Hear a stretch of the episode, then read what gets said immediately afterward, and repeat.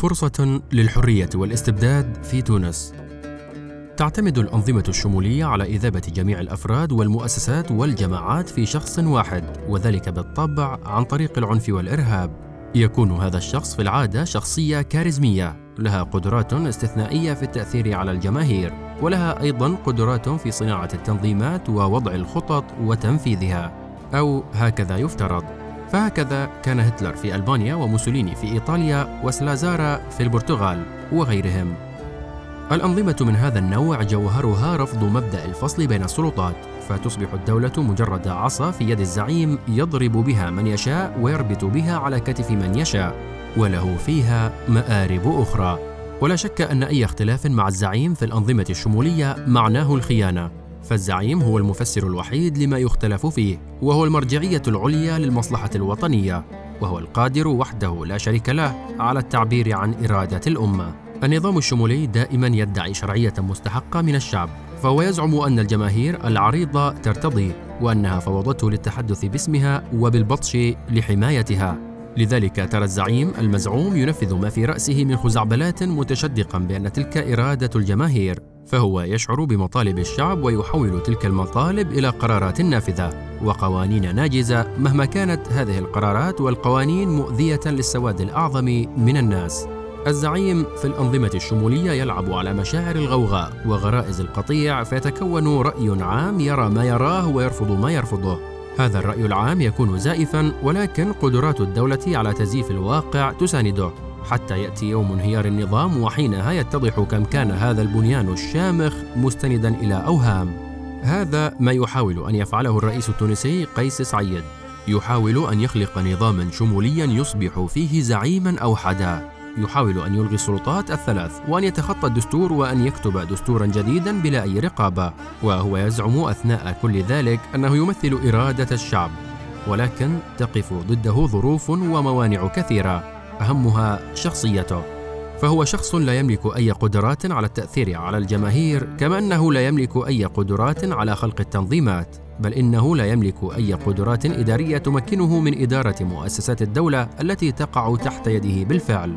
والأسوأ من كل ذلك أنه غير قادر على خلق أي شكل من أشكال التحالفات السياسية التي تؤمن له ظهيرا شعبيا مؤقتا يتيح له فرصة الإمساك بصولجان السلطة. فهو قد بدأ انقلابه بتأييد طائفة من التونسيين على اختلاف أغراضهم من تأييده واليوم لا يكاد يقف معه أحد لا من الشرفاء المخدوعين ولا من الانتهازيين المأجورين.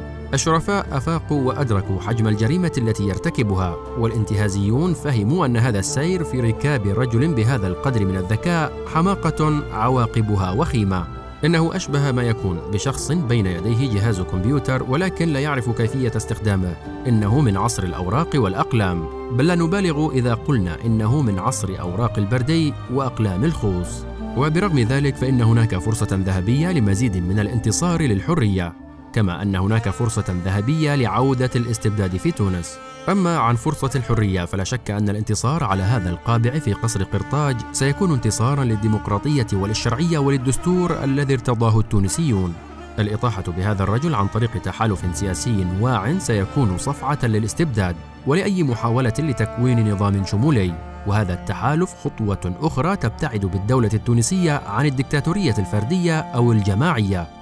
إن الإطاحة بقيس التي تعتبر انتصارا للحرية لابد أن تكون بتحالف سياسي يتحيز للديمقراطية ويتعالى على الاختلافات الأيديولوجية وينظر لأفق المستقبل البعيد أكثر مما يعميه ضباب اللحظة الراهنة. وإذا نجح هذا التحالف في هذه المهمة فمن حقنا أن نتفاءل بمستقبل تونس.